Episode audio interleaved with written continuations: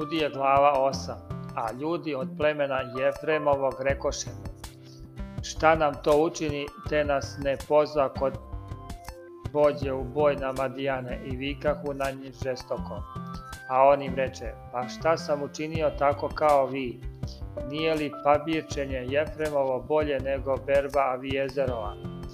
Vama je u ruke dao gospod knezove Madijanske, Oriva i Ziva, a što ja mogoh učiniti tako kao vi? Tada se utiša duh njihov prema njemu kao tako govori. A kad Gedeon dođe na Jordan, pređe preko njega s 300 ljudi koji behu s njim, a behu umorni goneći. Pa reče ljudima sokoćanima, dajte nekoliko hlebova narodu koji ide za mnom, jer su umorni, a ja gonim Zeveja i Salmana, careve Madijanske a glavari sokotski rekoše mu, je li pesnica Zevejeva i Salmanova već u tvojoj ruci da damo hleba tvoje vojci? A Gedeon im reče, kad mi Bog preda Zeveja i Salmana u ruke, tada ću pomlatiti telesa vaša trnjem iz ove pustinje i dračom i otide odande u Fanuil i reče Fanuiljanima isto onako, a oni mu odgovoriše kao što odgovoriše ljudi u Sokotu. Zato i ljudima Fanuiljanima reče, kad se vratim zdravo, razvalit ću ti kulu. A Zeve i Salman behu u Karkoru, i vojska njihova s njima oko 15.000 što ih god ostao od sve vojske istočne, a pobijenih beše 120.000 ljudi koji mahahu mačem. I otide Gedeon preko onih što žive pod šatorima s istoka Novi i Jogveji i udari na vojsku kad vojska stajaše bezbrižna a Zeve i Salman pobegoše, a on ih potera i uhvati dva cara Madijanska, Zeveja i Salmana i raspudi svu vojsku. I vrati se Gedeon sin Joasov iz boja pre sunčanog rođaja.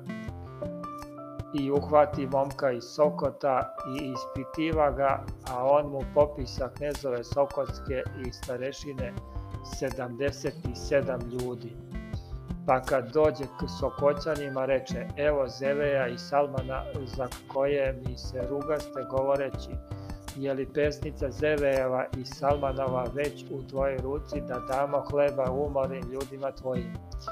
I uzevši starešine onog mesta i trnja iz pustinje i trače, dade na njima ugled Sokoćanima.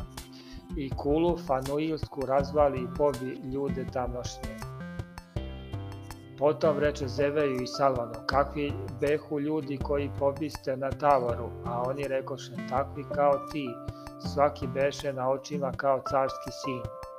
A on reče, to behu moja braća, sinovi moje matere. Tako gospod bio živ, da ste ih ostavili u životu, ne bih vas pogubio. Tada reče Jeteru prvencu svom, ustani pogubi ih, ali dete ne izvuče mač svoj, jer se bojaše, jer beše još dete. Tada reče Zevej i Salman, ustani ti, uloži na nas, jer kakav je čovek, onakva mu je i snaga. I ustavši Gedeon pokupi Zeveja i Salmana i uze mesečiće koji beku o vratovima kamila njihovih. Potom rekoše Izraeljci Gedeonu, budi nam gospodar ti i sin tvoj i sin sina tvog, jesi mhm. nas izbavio iz ruke madijanske. A Gedeon im reče, neću vam ja biti gospodar, niti će vam sin biti gospodar, gospod će vam biti gospodar. Još im reče Gedeon, jedno ću iskati od vas, da mi date svaki grivnu od plena svog, a grivne imahu zlatne, jer behu Ismailci i odgovoriše, da ćemo drage volje i razastrvši haljinu baciše na nju grivne svaki od plena svog i beše na meru zlatnih grivana što iziska 1700 sikala zlata osim mesečića i lančića i haljina skeletnih što nošah u carevi madijanski i osim litarova što behu oko vrata kamila njihovih i Gedeon načini od toga oplećak i ostavi ga u svom gradu Ofri i onde sav Izrael e, stade činiti preljubu za njim i bi Gedeonu i domu njegovom zavka. Tako biše pokoreni Madijani pred sidajima Izraeljevim i više ne digoše glave i zemlja bi mirna 40 godina za veka Gedeonovog i otišavši Jerovanj sin Joasav ostao u svojoj kući. I imaše Gedeon 70 sinova koji iziđoše od bedara njegovih jer imaše mnogo žena. I inoča njegova koja beše u Sihemu i ona mu rodi sina i nade mu ime Avimeleh.